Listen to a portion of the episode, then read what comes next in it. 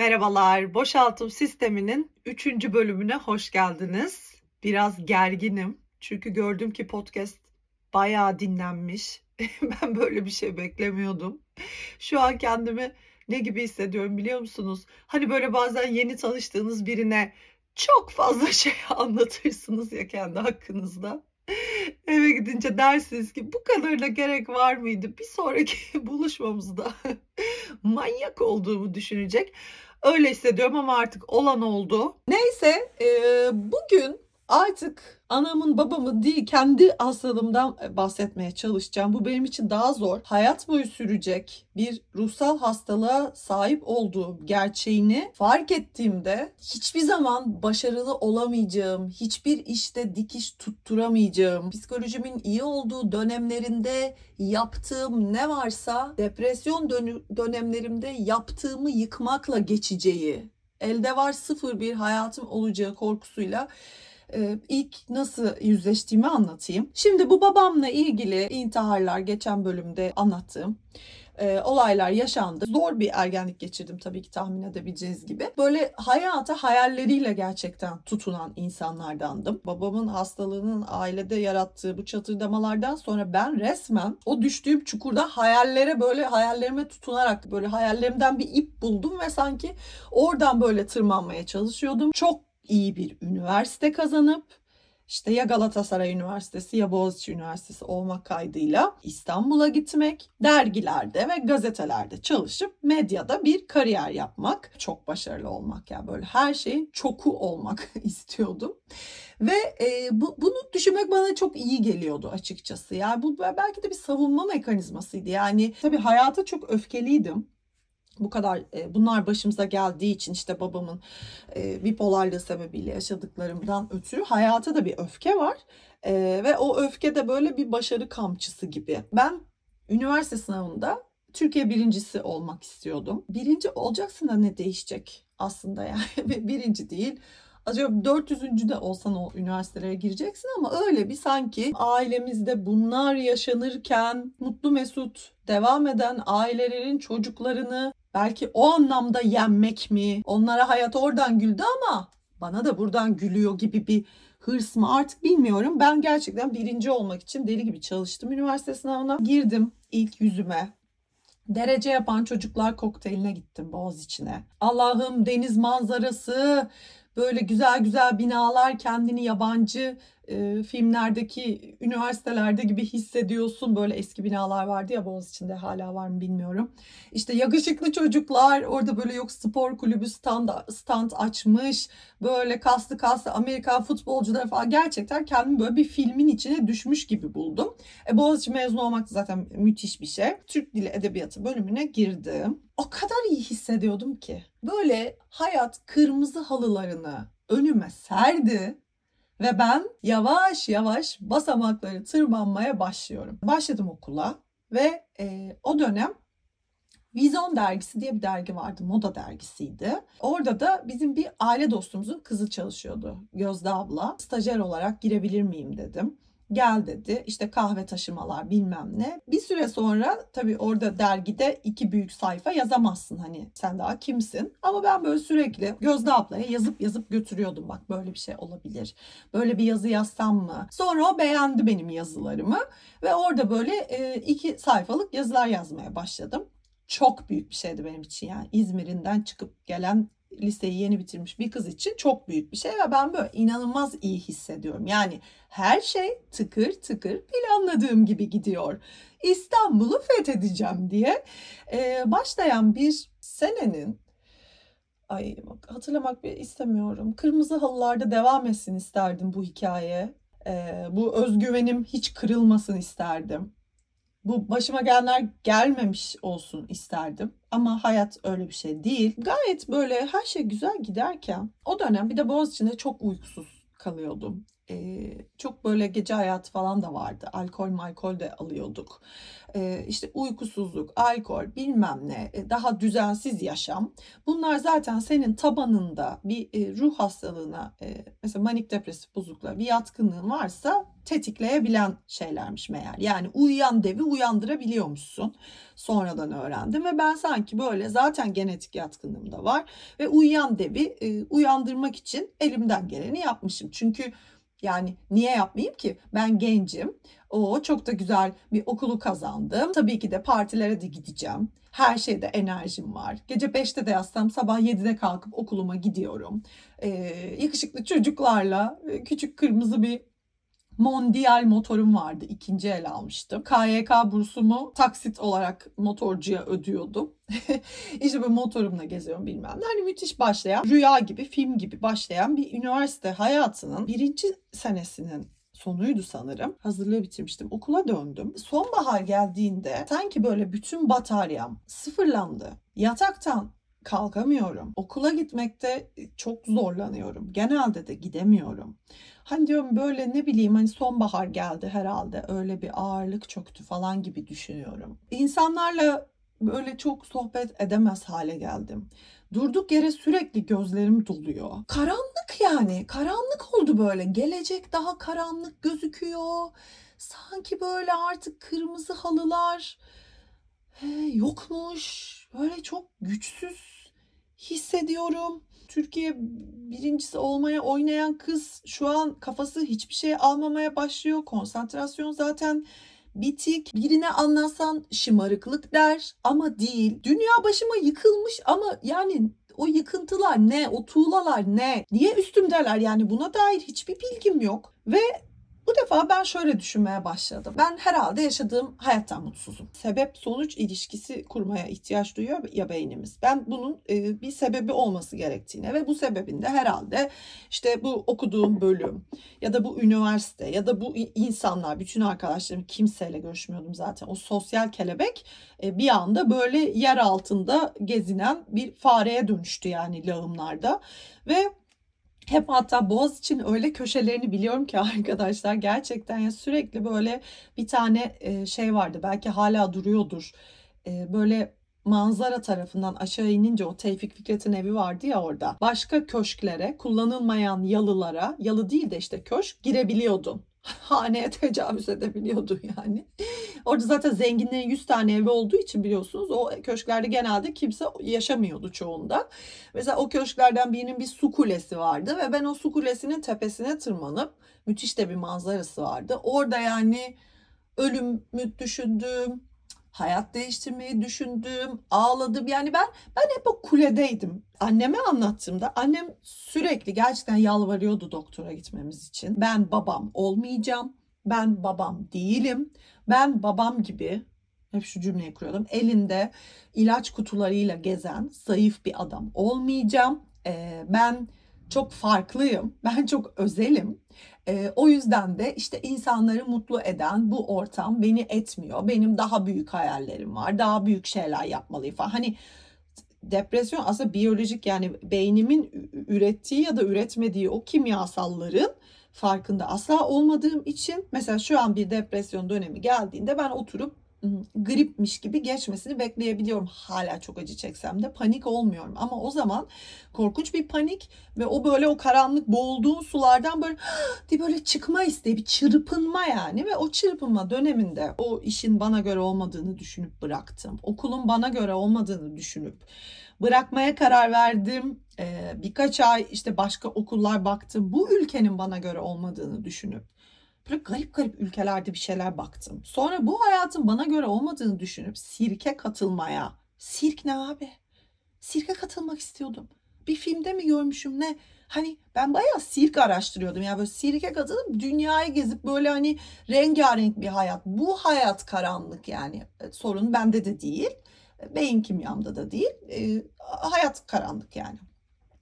Işık yakacak bir yol bulmam lazım. Ve ben o dönemde Boğaziçi Üniversitesi'ni bırakmaya karar verdim. O zamanlar bunu böyle işte kendi istediğin yoldan gitmek, wow işte büyük kararlar alabilmek, ben bir şeyi sevmezsem değiştirmesini bilirim falan. Uu, işte böyle de bir kadınım falan kisvesi altında. Yani buna gerçekten inanıyordum. O, onu herhalde çıkış olarak buldum kendime ilaç olarak gördüm.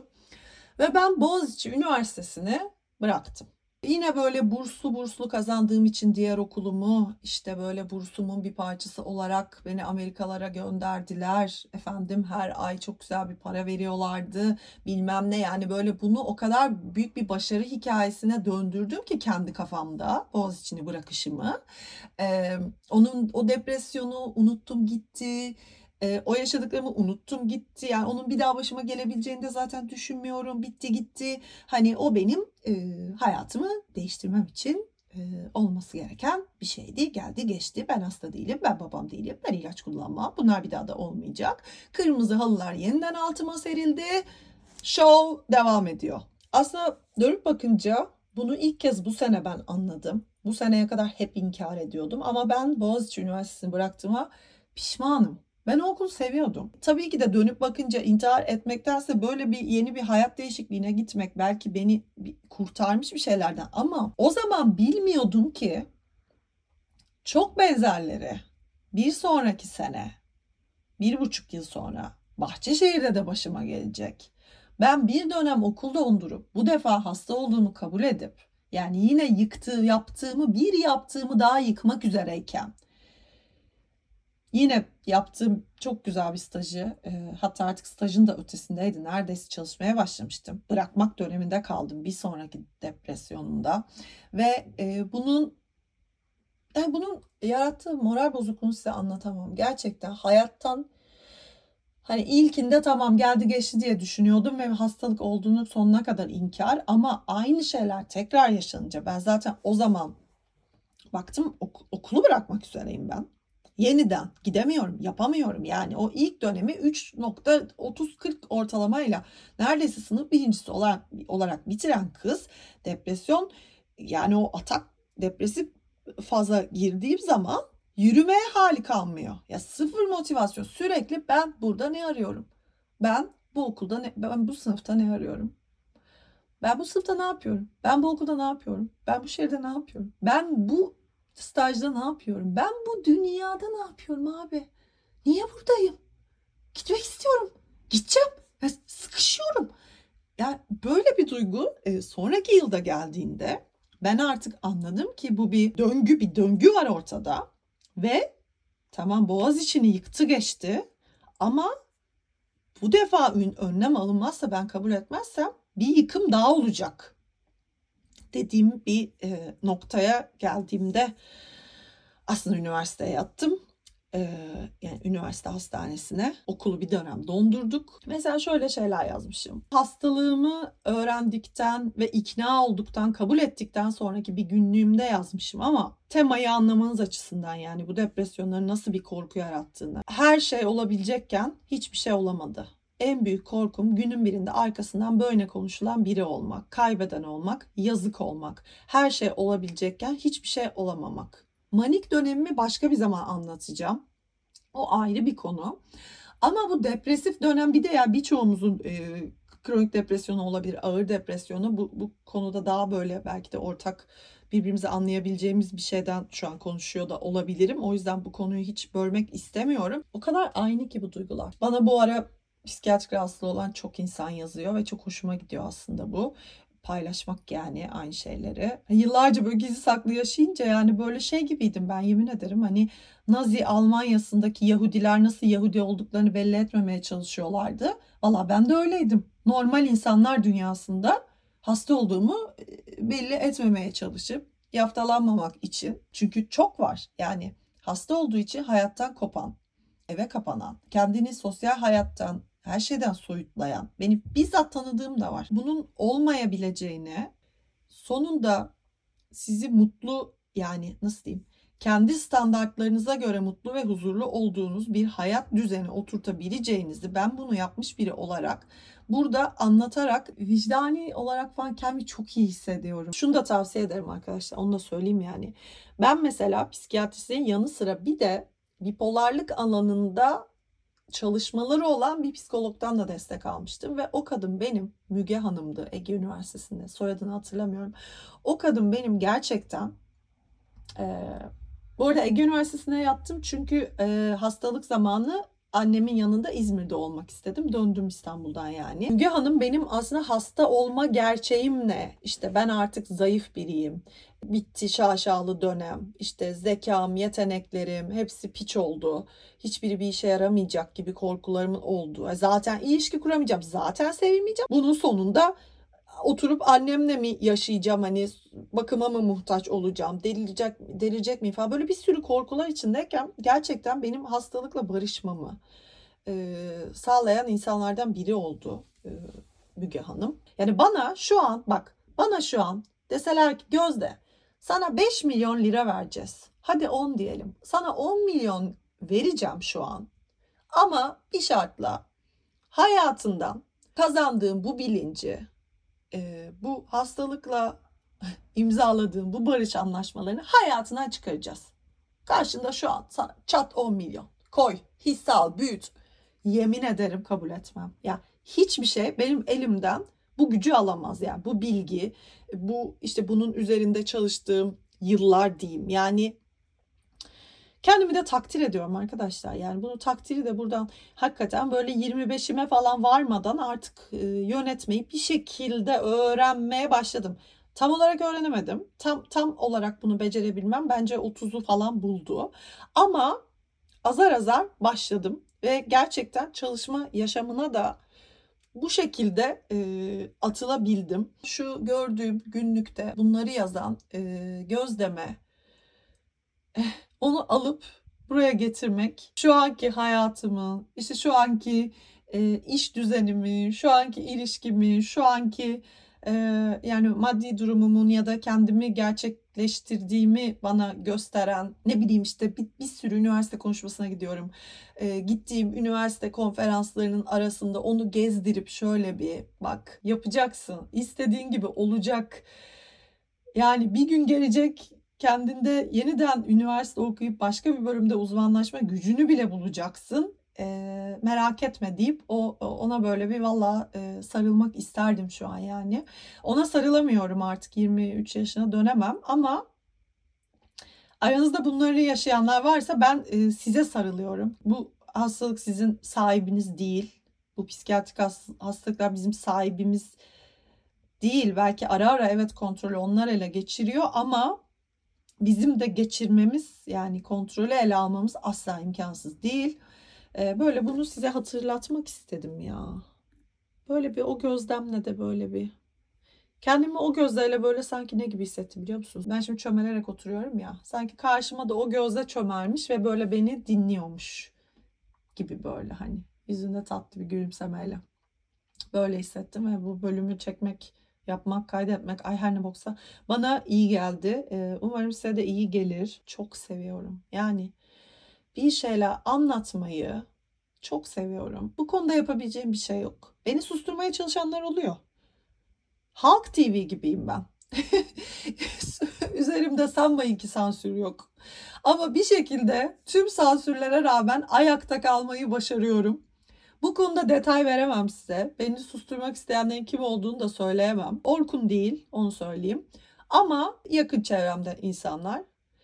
Ee, ama Halk TV gerçekleri anlatmaya devam edecek. Halk TV'mi susturamazsınız. Görüşürüz diyorum. Boşaltım sistemlerinizin benim gibi çalışmasını diliyorum arkadaşlar. Benim boşaltım sistemi ishal oldu bence artık her şeyi dökmeye başladı. Ama zaten amaç da buydu.